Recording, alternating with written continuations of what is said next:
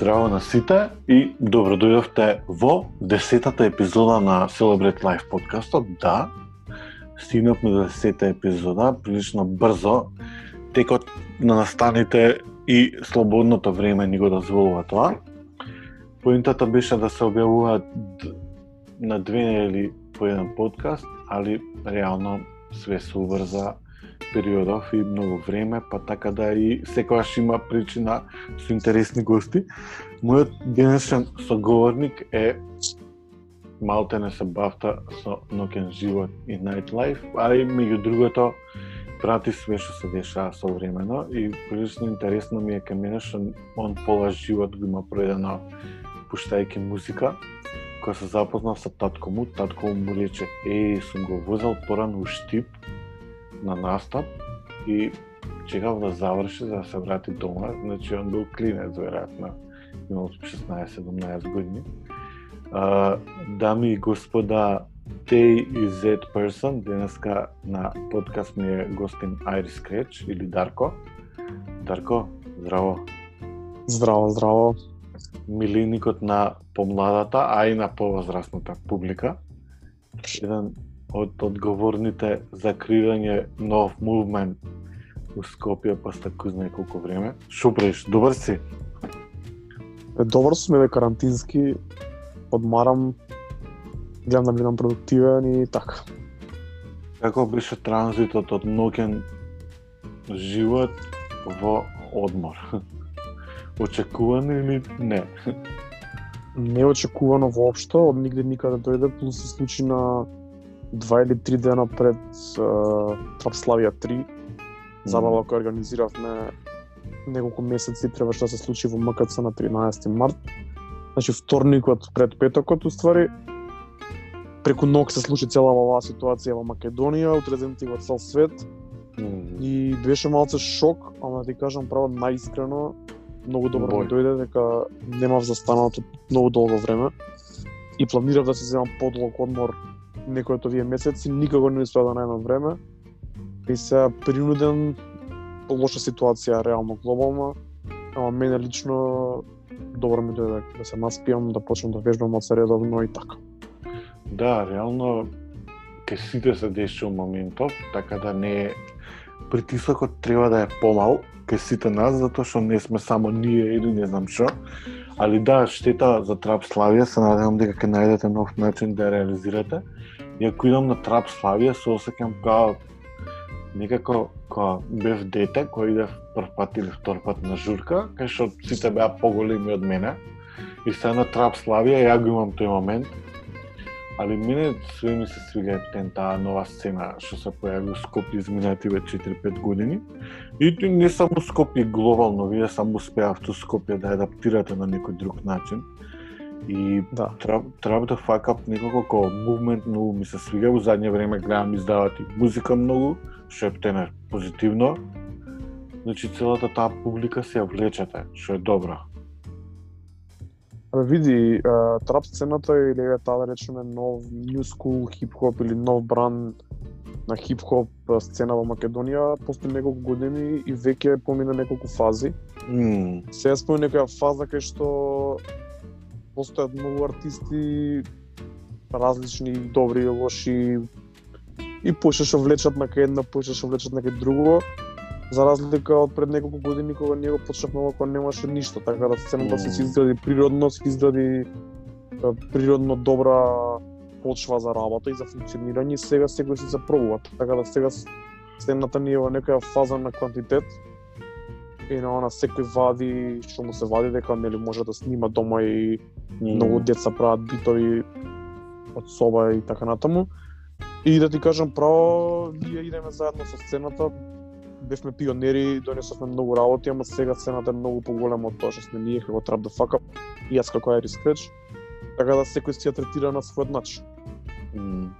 Е, гледаш, не би е толку многу позната сцена, освен вајде што знам вас, али да, напливот на SoundCloud Producers у светски рамки и све останато, веројатно ја дозволува можности тоа да го прават. Значи денеска буквално може да снимаат музика со еден iPad и со еден обичен микрофон. Ето Lil Peep е сведок на таа лофи SoundCloud сцена.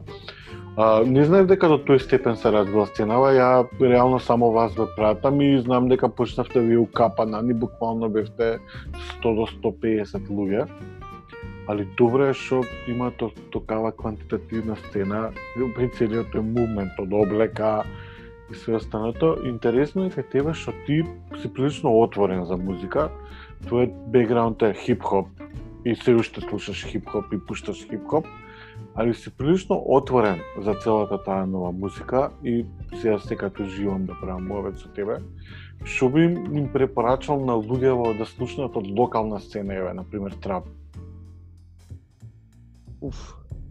Еден од моите омилени во моментов Mm -hmm. Young Daddy, Мгм. млад дечко од Скопје, што сега под наводници издава на каналот на Trap the Fuck бидејќи нели издавањето музика од денешно време, посебно на инди артисти се сведува на тоа на кој канал ќе се закачи. Така да ние сме само некои, ние само нудиме нека платформа што има мал, малку поголем број на фоловерс од неговиот канал на YouTube да ја става таму музиката, така да Young Daddy во моментов а, еднаш на два-три дена вади по една песна од своето EP, која се вика Боенка. Мгм. Бојанка. Е, да, дечкото е супер млад, е помлад од нас, има околу, мислам дека има 18 години. А, така звучи малце на на моменти на Lil Peep, подсеќа на Lil Yachty, Мгм. има таков порано се викаше тоа bubblegum bubblegum trap, Мгм. има таков малку чизи, ама позитивна смисла а, звук.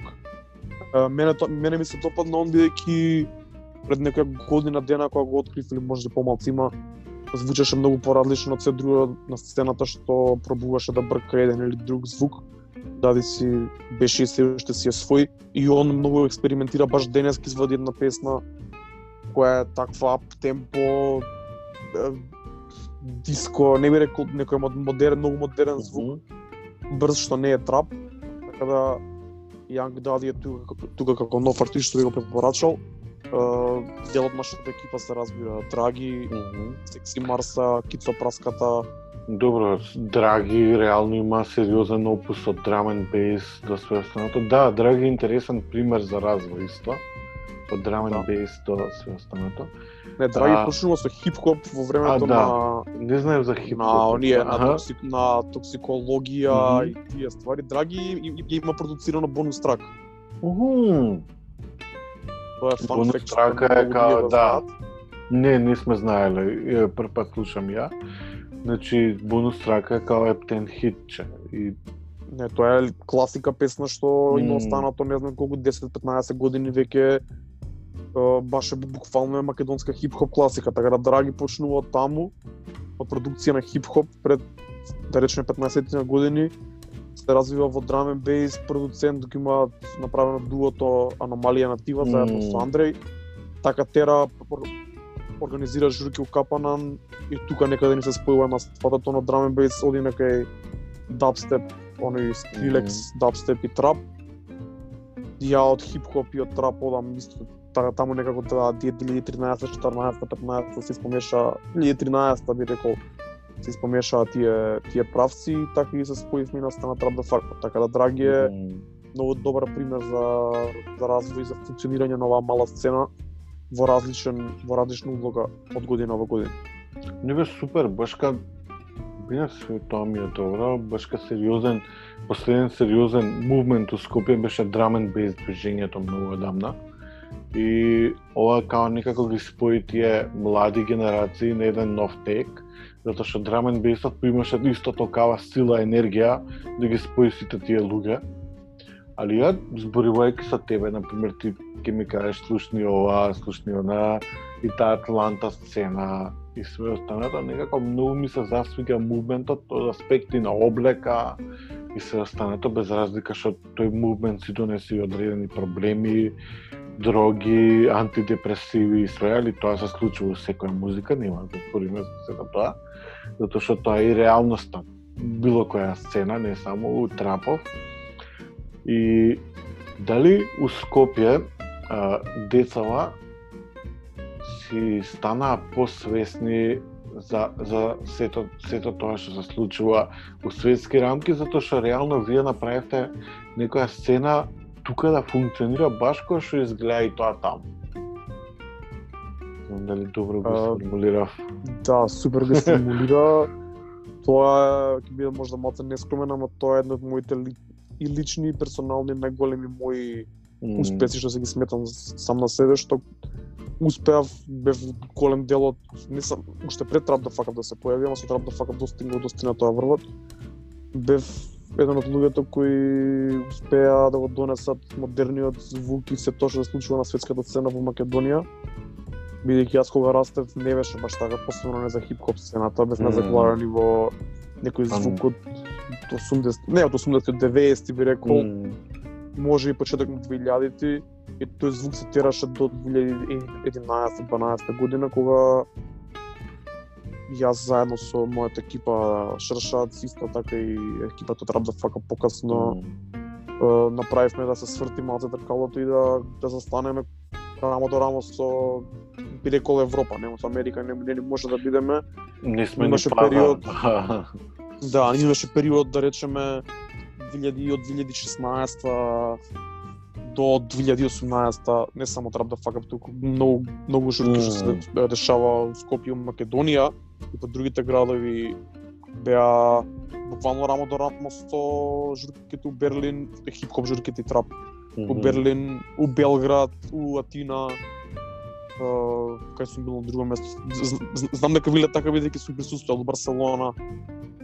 Така да сега искрено малце последниве година две мислам дека мајнка, не мислам дека ни падна темпото.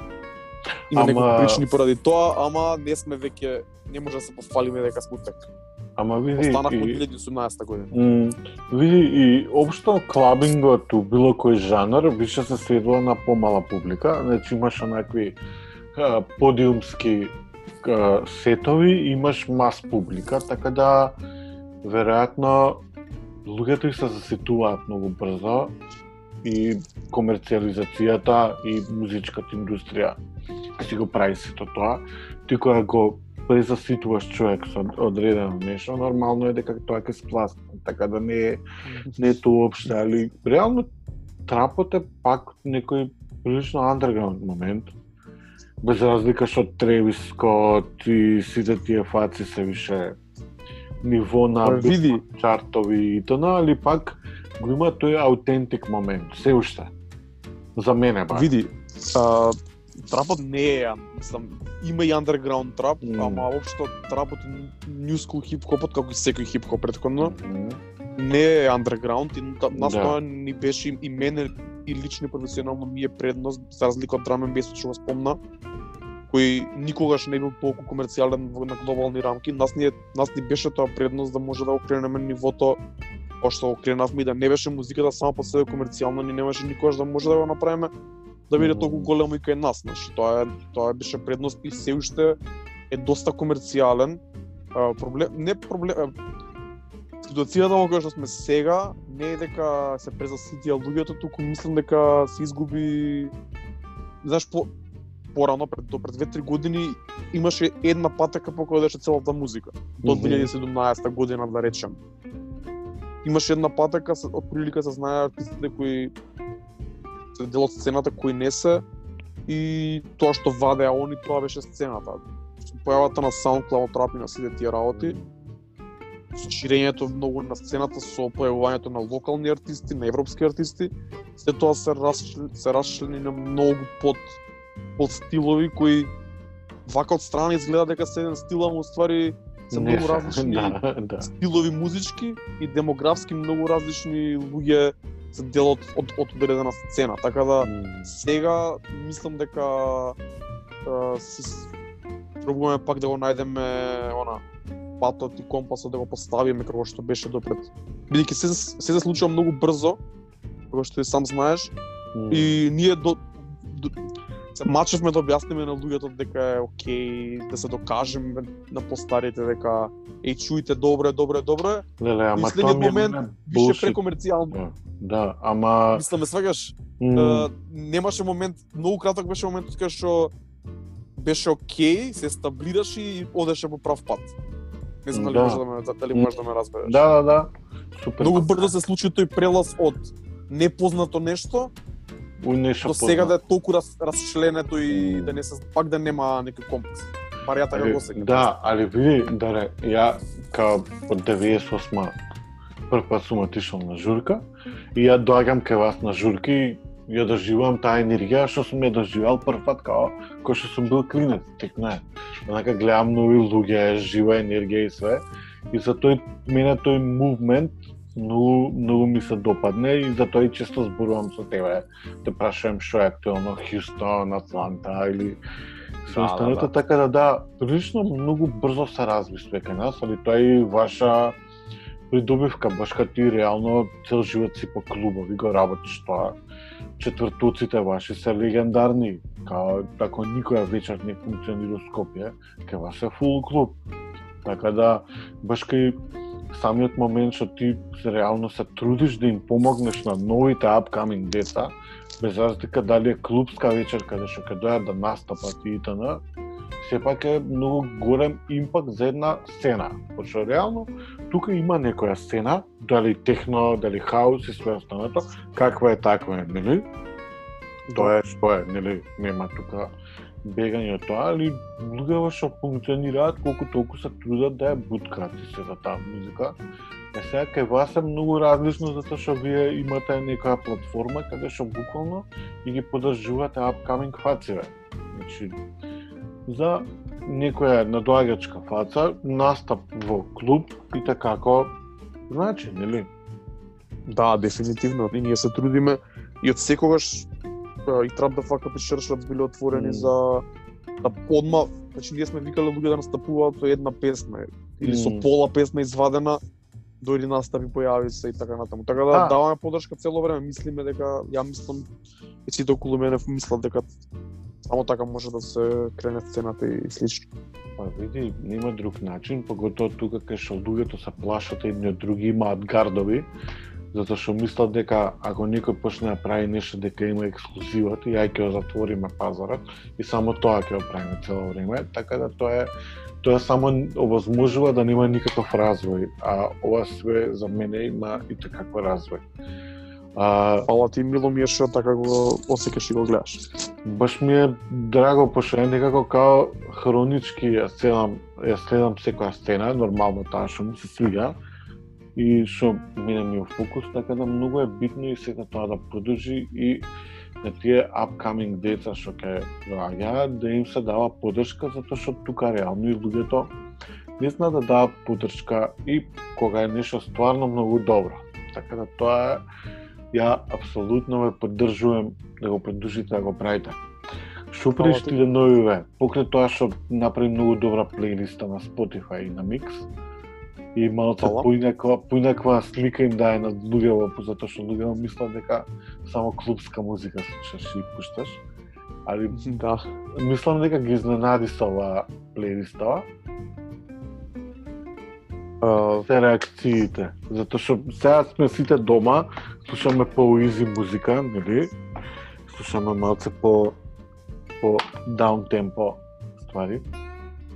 Да, тој микс што го направи таа плейлиста е баш даун темпо на максимум што може. Мм. 55 BPM, тоа е преспора музика, длабока. Тоа е микс што немав идеја да го направам и бидејќи таму музиката е последниве 5-6 години, не е нова или не е стара, не е од, од една од еден момент и една ера. А, и искрено си ја средував музиката цел- целиот лайбрери што ми е за пуштање бидејќи слушам и пуштам различни правци и пуштам во комерцијални клубови така да имам од се по нешто. Нормално. направен хаос, целиот компјутер со и програмот Сарато со музика. Така да си ги средував кретовите и кога ги степне на едно место сите тие песни, сватив дека е добар момент да се нав да се стави тоа како плейлиста за во карантин. И после тоа спонтано се случи да го снимаме во форма на микс. Добро е прифатен, ми пишуваат луѓе дека ми дека не знам, на некој се свига, некој има најбољи микс, некој има малце предип. Така да има добри реакции. Е, сега сум задоволен. Нека добро е баш кад нека слушаат бе малце друга музика, окей, тоа нека се отварат. Тоа е највидно, мислам дека тоа тоа е следниот шекор, тоа треба да се направи. Абе види, едукацијата и никогаш не е зијан, нели? Така да не Што би им препорачал на слушателиве на Celebrate Live подкаст? Што да слушнат периодов? Што ти се свига тебе?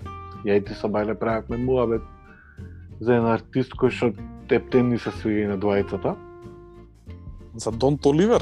Да, Дон Толивер. би го препорачал ли Дон Толивер на слушателите да го чекираат? Па, зависи што слушаат слушателите на Celebrate Live. Ако има допирна точка со со трап пеење, односно со new school пеење, значи не со старо R&B, туку со еве да речеме The Weeknd, Mm -hmm. ако им се свија или ако може би Па чекај, зарем А. има ли некој што не му се свига The Weeknd? па искрено мене не ми се свија на пример новиот албум. Ама добро, Да. ама мене не ми се свига од House of Balloons The Weeknd, ама Ма, новиот добро, албум, ако- али новиот албум има еден 80s момент. Затоа што не ми се свија. Е па да, ама ти затоа што не се свига таа музика, али да, новиот албум има еден таков шмек. Што е прилично интересен и за постарата публика добро функционира. Има некои Не, revival моментов, на пример Tame Impala, или они соработеа со Kanye, со Тревис, со шо, со, со кој уште не. Пример, на Tame Impala албумот е тотално 80s. Знаеш, има некој ревайвал на музикава, па вајда и на Weekend албумот е таков и може затоа и не знам. Ми се појави баш едно видео од Genius, вчера го гледав. Uh, баш зборат за песна на The Weeknd и некоја нова песна на Dua Lipa, не сум сигурен дали имам слушнато, дека ги имало тој 80s инфлуенс и објаснува што е толку кечи за тие за таа ритам секција што има двата, така да е, тоа би предложил би го препорачал на луѓето да го зирнат. Не знам како треба да напишат Genius 80s The Weeknd Dua Lipa, ќе се појави кратко видео и објаснува што ствари толку таймлес таа музика и зашо сега пак се враќаат. Да, артисти. Липа е лудило, реално како видиш, многу е ја општа музиката и стварно добро звучи продукциски, тоа е со време Мене е, ми е добар поп, иако за Мгм. мој вкус не е баш, Да. ама мене ми е добар поп тоа. М, И да, да, бе види тоа се различни музики од наша ни се свигаат, али добро е да да постои тоа. Баш ка реално има на Balkan Roots, па мораме малце и на ниво на непотизам да го да го поштојаме Да. истото. Да, Да. да, да. Значи, ти минатава година пред да дое локдаунов пропатува и реално од време на време си даваш така екскурзии од Ибица до кај уште беше беше на некоја конференција исто. Се останато прилично си у текст со све што се случува. И ја, например, кога зборам со вас помладиве луѓе за музика, ми давате некоја друга перспектива и секад нешто плюс да знам со вас. Каква е визијата која ќе се вратиш од Ибица или се останато, пошто сигурен сум дека тоа те движи, те мотивира да да продолжиш да го работиш тоа што го сакаш. Пошто очигледно само ова го работиш и ова го сакаш, немаш day job, немаш ништо, 100% си dedicated на тоа што го сакаш. Дали влијае сето тоа врз тебе? Патувањата, клубовите, различните луѓе, клуб, публики, влијае многу. А, најголем, значи најмногу, најонака mind blowing experience ми било првите години кога пуштав музика на островот Иос во Грција. Мгм. А, таму одев 7, 7 лета поред, по Ого. некој месец, месец и пол секој лето. Мгм. И уште почнав да имам 18 години, така да таму прв пат ги осетив тие па се враќаш од некој место како нов човек, како друг човек. Што супер. А, тогаш најмногу ми се отворија погледите за многу работи, а сега постојано кај да одам, на пример конкретно и пица, тоа што го враќам како научено за да го применам. На пример хип-хоп сцената во Македонија, во Скопје, никогаш допред 3-4 години за хип-хоп забавите најчесто траја до 3 3,5 максимум. М, Ја бев Така, идеш у клуб и у два саат празно, така беше ситуација. па у еден и пол влагаш Да. беше после што дојде три, М, више диџејот почнува да да успорува и така Мм. некако толку до три и Да. пол траело посебно ако е четврток, не никогаш повеќе од три и пол, можеби некогаш четири. м, максимум преку сила, така да ето, ед, едно од работите што ми се свига и што сакам да ја применам е подлого работно време, што е common sense, ама хип-хоп главиве се малце позатворени мгм. за тоа, посебно старите, ама па младиве па се многу поотворени и сакаат да седат до касно. Исто Да. така тоа што го имам ете нешто како научено од одење по фестивали и големи добри клубови, тематски журки што сум бил во странство е важноста на opening set, closing set, back to back set, значи колку ако ако е направено проперли колку дава тежина и длабочина на самиот настап. Бидејќи не е секоја музика нит за почеток, не е секоја музика за крај. Closing song исто така се инспирирал од да речеме Марко Карола Амнезија или Вау, Марко Карола, што- каков диџе тоа. Значи Марко Карола има мене лично не ми се стига толку многу, посебно не на Ибица кај што сум бил неколку пати. Ама да, Амнезија. али Марко Он- Карола у Скопје три пати даре, тоа не знаеш ова што. Тоа праше ги луѓето што биле периодот 2001 до 2005 што иделе по журки, тоа беше превртување. А Карола е друг, друг концепт е сега, реално, мислам, индустријата им го налага тоа. Не, види, во моите очи, мюзикон како журка интересна само последниот саат, бидејќи он Мгм. од кога ќе почне пример од 2,5, од 3 до 6,5 или до не знам до 6 е едното исто цело време.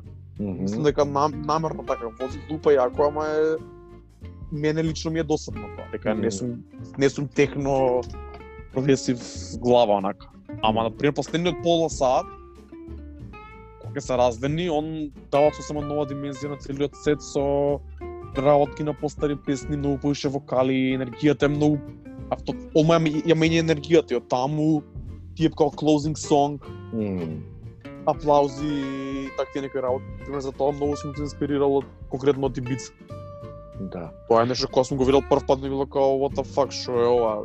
Скопје сидам од диско, диджеот секоја песна ше пушта ја намалува, ја намалува и брка. Да, да, да.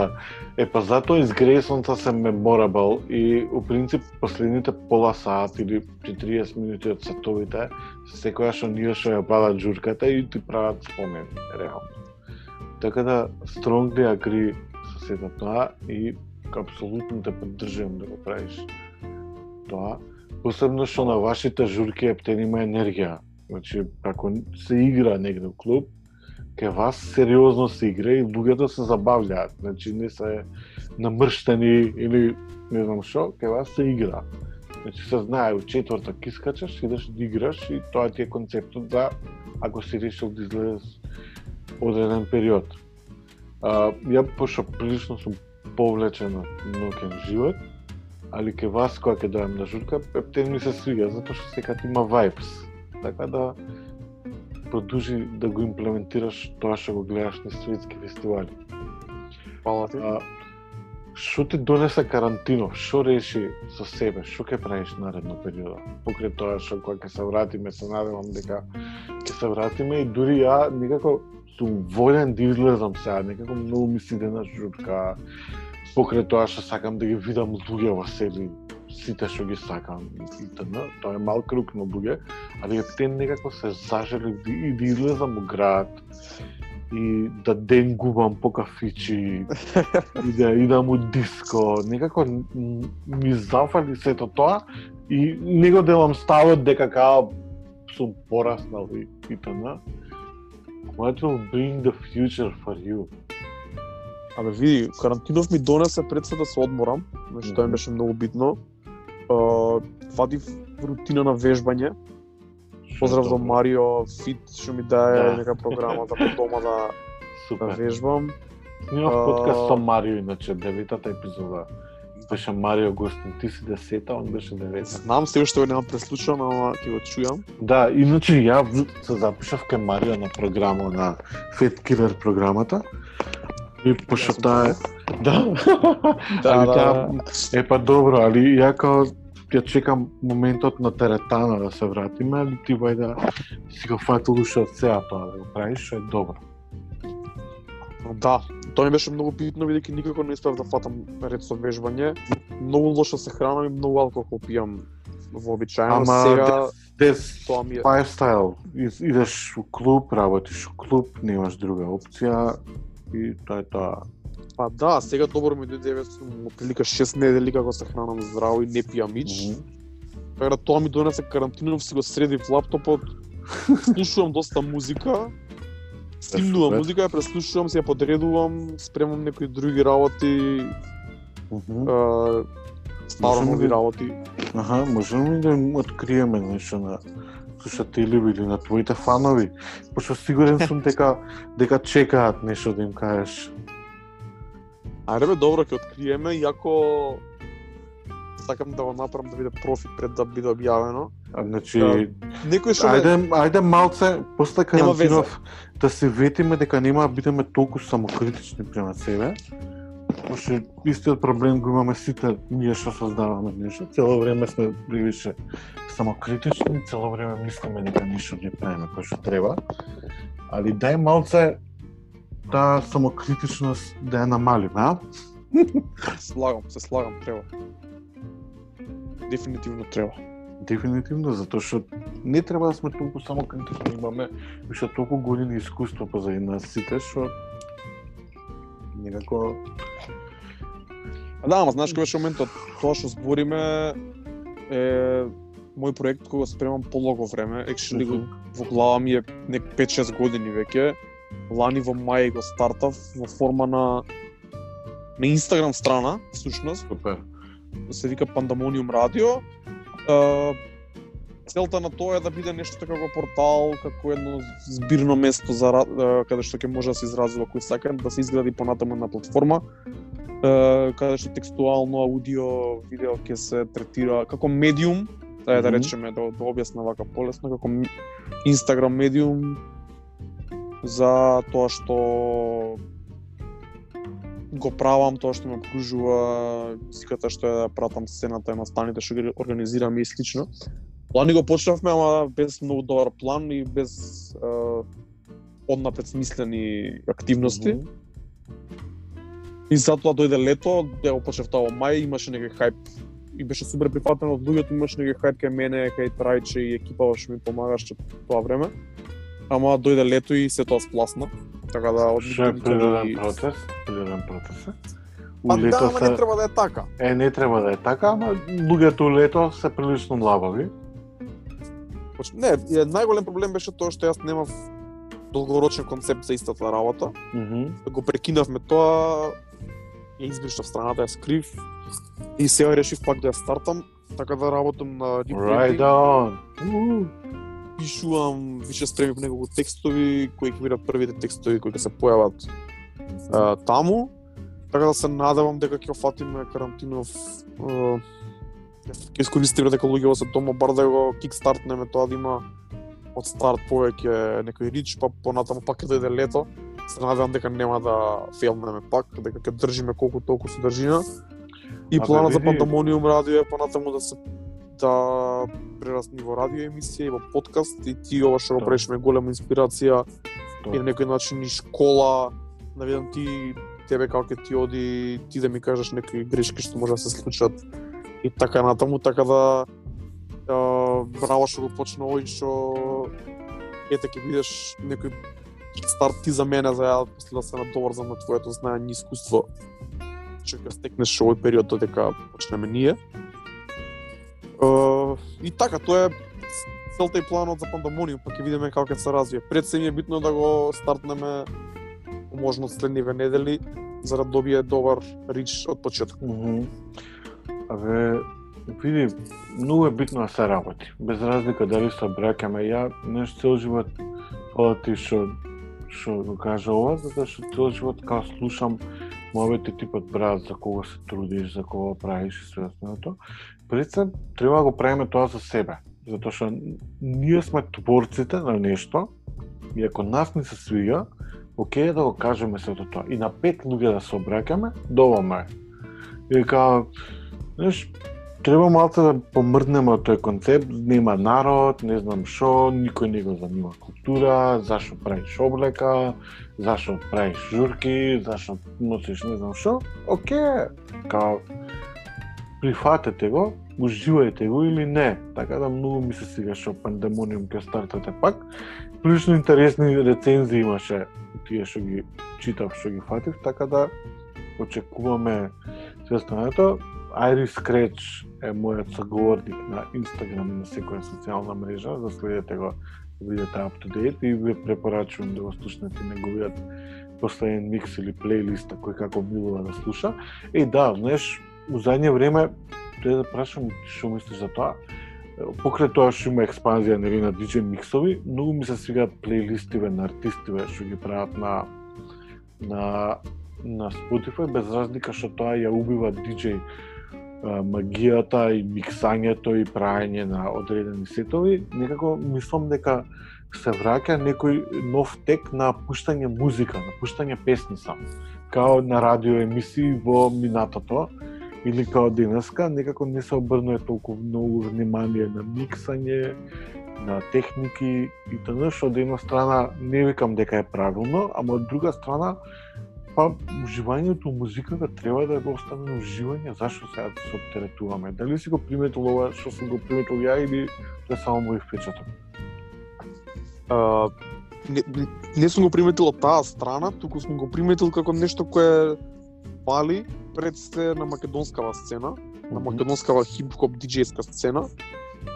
Uh, и мене ми се допаѓа тоа што се сведува се повеќе на селекција на музика, бидејќи за жал хип-хоп диџејеве, вклучувајќи ми мене некогаш, сме многу заглавени во одредена прелиста што ја тераме таа истата, да речеме, таа што проаѓа и многу луѓе, многу диџеи имаат и опрема и грамофони, миксети скапи, и најнови програми и се тоа. А музиката се сведува на едните исти 30 песни. Mm. Така да мислам дека овој начин на селектирање, на пуштање музика преку прелисти на, на радио, слушање на музика, е начинот преку кој може да се дознае, посебно за хип-хоп и за трап сцена вас зборам, преку кој може да се селектираат песни од, од албуми, не толку познати песни, нови артисти така натаму и мене форматот на плейлиста многу ми се свиѓа, многу ми одговара, за жал се уште не можам да најдам да најдам правото место каде да ги правам тие плейлисти бидејќи Spotify го нема официјално кај нас. Да. На YouTube има многу реклами. Mm. А, А не секој уште има ед блокер. Мислам, не знаат луѓето многу што. не е convenient, Да. ми мене не ми е Мм. YouTube за слушање. Ако вежбаш не можеш да слушаш на YouTube, ако М, си автобус не можеш да слушаш музика на YouTube, така да Uh, мене ми се свига многу таа промена, се повеќе Мм. плейлисти и ми се свига тоа што не мора да се диџе за да направиш плейлиста, што е ствари бидејќи суштината на бидување диџеј е добра селекција на песни која што ќе одговара за одредена ситуација. За разлика дали си ти радио диџеј, м, клубски диџеј или диџеј на автер на автер парти дома. м, Треба да избереш правата плейлиста која ќе одговара на тој муд. Тоа што сакав да кажам претходно е дека сведок сум на тоа дека огромен број на хип-хоп диџеи, вклучувајќи ми мене некогаш, се повторуваме едно едно те исто, едно те исто, а таа длабочина никој не таа квалитетна селекција никој не ја не ја нуди на некој начин. Добро, види, може би затоа што нема толку слушачи на музика и ради тој ради тоа може Види, слу- слушачите на музика се се прават, мислам. м, Нему, е, младите треба да, да, да, да им се покаже дека не е само не се само тие 20 песни што ги пуштаме ние во епицентар секој четврток, него има и многу, многу, многу други повеќе. Да, али плейлистите се начин да се добра да тие луѓе малце поинаку, така да full support за сето тоа. Се надам да Spotify каде е блиска иднина, мислам дека генералниот проблем со Spotify е ради copyrights и што не можеме не може некако да се изведе тоа кај нас. Али да не забораваме дека да не беше пиратеријата, никогаш не имаше ни да слушаме музика, да гледаме филмови, да научам ја да работам дизајн програми за да ставам дизајнер и се останато, така да и балканскиот менталитет си има и своји предности и мани, али реално стриминг сервис македонски например за музика па нема, што исто многу голем проблем. Ја еве хип-хоп или било кој бенд, сакам да го купам албумот, немам CD плеер дома, еве као периодот сакам да слушам некои CD што ги имам, немам дома CD. Па да, нормално 2020 Да, као све се префрли на клауд, све е на клауд, све е на интернет и и као многу е хендикепирано тоа, така да стартапчи ангажирате се да направите некој локален стриминг сервис, затоа што и така како имаме потреба за да некако луѓето и да слушат малце понеква музика. Да. Кажи ми, имаме време да ти поставам едно прашање? Yes. Имаме време. Кога сме кога, сме више кој ова, баш си го пред некој ден да бидејќи ти доаѓаш уште повеќе од мене од таа пиратска сцена. Uh, дали дали ако ти ако пред 15 години или пред 10 на години некој ти кажеше дека нема да постојат веќе торенти, дека нема да има музика дива скоро никаде и дека се тоа ќе биде толку стикно, дали ќе поверуваш и дали изгледаш ова пред 10-15 години дека може да стигне до момент кај што DJ-ите ќе бидат кратени од е, Facebook и Instagram Live поради копирайтс, само на Mixcloud ќе може да се закачуваат сетовите, нема да има да се симне музиката од скоро никаде, освен да се купи. Дали го очекуваш ова? Дали го очекуваш ова за случај at some point? Ви, со оглед на тоа што купувам музика и се останато верувам дека верував дека нема да е толку брзо, покако кај што копирајтов ќе кине лайв сетови или лайв стриминзите, али пред неколку години исто такви се појавија многу движења кои што се заангажируваа за слободен интернет, за слободна музика, за слободни копирајци и све останато, затоа што музичката индустрија функционира како и секој бизнис. Но искрено не верувам дека до, до овој степен ќе стигне, пошто денеска е многу потешко да најдеш музика што ти се свига сериозно, отколку булшит. Булшитот е достапен. Значи све што ти е у чартови можеш да го најдеш, али искрено не верувам дека до овој степен ќе стигнеме. Што од една страна ми е добро, ги заштитува артистите, затоа што нели јас сум артист и моите дела може некој да ги симне. Сигурно некој кинес или јапанец ги има симнато или било каде и Celebrate Life да се прави на некој друго место светот без да знам ја. Не. И заштитата на артистите ми се свига и треба да се артистите заштитени затоа што некој вложува време, енергија, пари за да го направи тоа и коректно е ти да платиш 50 центи, долар, 2 долари, 3 долари за нешто. Е сега, што не може лайв стрим да издржи ниту еден ради копирајт е друг проблем, ама тоа треба индустријата да најде начин како да се го реши и од една страна сум секојаш од страната на артистите, затоа што знам што значи да е артист, затоа што и самиот сум артист, од друга страна ми е криво зашто тоа не е толку достапно како што беше. Затоа што пак сум за некое време на интернет кога имаше Napster и кога се чекаше по 5 дена за една песна или што и да се сменеше више. Али да, се сменија работите и се надевам дека артисти ќе бидат што можно поише заштитени во еднина. И ќе им се сплати нивниот труд. Дали Па, добро секако. одговори? Дали добро одговори? Да, да, да, супер одговори. Uh, така е се што каже точно. Најголем проблем за диџеите што пуштаат комерцијална музика што е подпишена за големи лейбли од целиот свет е тоа што немаме ја немам кај да направам плейлиста, е конкретно за македонската музика. М, Нити имам кај да го закачам седот ако не е на Mixcloud. Да, затоа што копирајтот е тоа е- проблем, да. Не, јас се уште не можам да најдам прав начин како да ширам М, нова музика кај младите кај сите, кај сите што сакаат да чујат. И мислам дека и они самите не знаат никај да најдат, освен на YouTube, а, во, а на YouTube ти дава само тоа што е платен или само тоа што на Да. autoplay, ти оди цело време едното исто. Затоа таму ја гледам едно од причините зашто малце се укочи нашава сцена, бидејќи како фан на музиката, ако немам Spotify, немаше да имам како да ја слушам исто. Тоа што сам многу многу повеќе се потрудам да симнам тоа што ми треба. Ако се трудиш многу за да симнеш нешто, е, го губиш времето таму, не стигаш ако ти е под наводници на тацна, М, ќе кликнам, ми се свија, Don Toliver ми се свија, не ми се свија, не ми се свија, добро идеме следно. м. А ако ја не- нема никош да, се- да се дрзнам, мислам да, да, да почнам да го симнувам Don Toliver, да идам по оние пиратски на сајтови кај што се Мм. пагуваат 100 реклами и треба оние Да искусаш 500 код. капча да, Да. Да кодови капча да, да направиш, за ти што не го знаеш. М.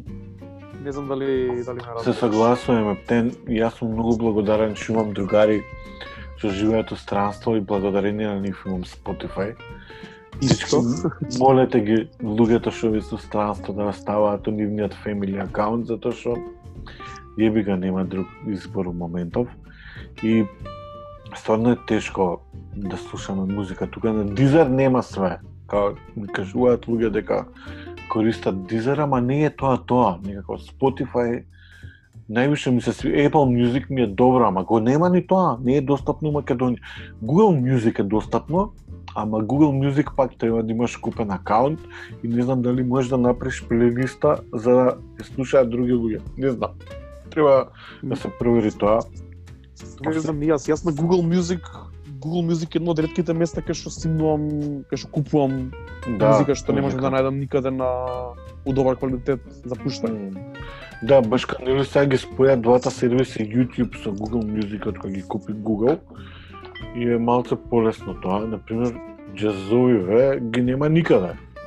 Ако ги не ги сретнеш на Google Music или на не знам каде, YouTube баш од аспект на интернет не е па ни многу паметно да се користи. Ти сега да пуштиш YouTube и тоа се цепа некоја видео слика и тоа ги, ги црпиме ресурсите на интернет. Баш имав епизода една имав како да му помогнеме на интернетот денове, така да луѓе што се занимаваат со копирајт, помогнете ни да слушаме музика во Македонија која што треба. Да, дефинитивно. Ептен. Добро, а, даре 48 минути, иначе више разговараме. Се надевам дека добро ти преде време, пошто прилично многу што можеме да им порачаме на луѓе во од аспект на музика, дали да се отворат поише, затоа што ограничувањето во животот музички не, не носат ништо.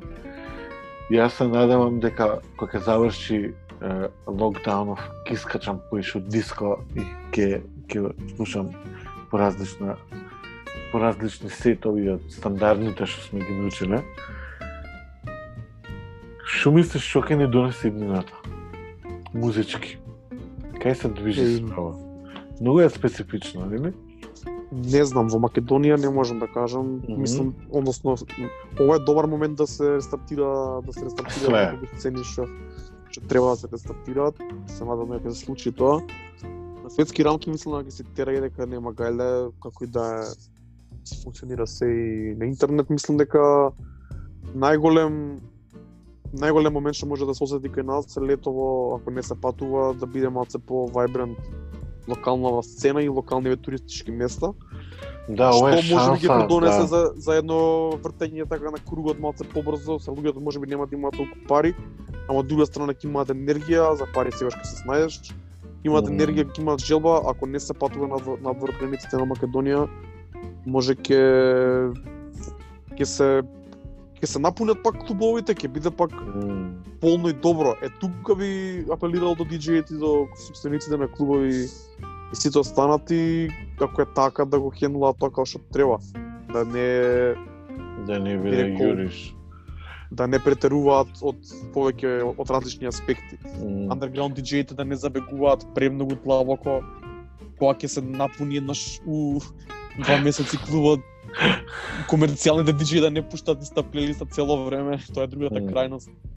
Така да Да, читав некој артикал на Guardian дека тек концерти ќе почнат од 2021 да се прават масовни, затоа што ковидов прилично заебан испадна на крајов на денот. Мислам, уште старт беше заебан, али дека толку ќе направи штета врз аспект на на фестивали и т.н. Али да, јас се надевам дека ова ќе ни помогне да се развиеме некоја под друга локална сцена, што е супер, затоа што цел живот нели бегаме надвор, што е природен процес, нели? Али ова се шанси да пробаме да изградиме нешто и као реално ако се деша оревче на трап еднаш у август, сега нека се дешаат три пати у три периоди, затоа што луѓето веројатно ќе бидат трука у Македонија летово и стотно дајте да пробаме да си направиме некаква сцена, затоа што да не забораваме у соседството го имаме Екзит кој што е еден од светски више фестивали. И многу голем развој има тој фестивал без разлика дали на некој му се свиѓа тоа или не, али да ова ковидов и локдаунов ќе ни помогне можеби, се надевам само дека паметно ќе искористиме оваа прилика. Исто јас. Да. А, за сите останати што не слушавте, се надевам дека уживавте нашиот муабет. Ја можеме да го тераме ние муабетов со Даре и уште подолго, али беше влегавме во 50 минути и мислам дека е доволно живеете во слободното време, што сме сега дома, правете тоа што сакате да го правите, што секогаш да сакате да го правите, а не сте имале прилика. Гушкајте си ги, сакајте си ги домашните, јадете добра храна, ако Да. треба и пиете што е можно поиш алкохол, ако се појава анксиозност, јеби ga. Денеска се е дозволено затоа што сме во локдаун и пробајте да не ве лупа толку многу бед затоа што сме дома и се останато тоа е за општо добро. Даре, фала ти многу. Се слушаме. Овој на Се- Се гледаме у догледни на кога ќе заврши сето ова. Проверете го Iris Scratch на Instagram и на Facebook. Прилично добро го прави тоа што го работи, си ја сака собствената публика и останете добро. Се слушаме. job.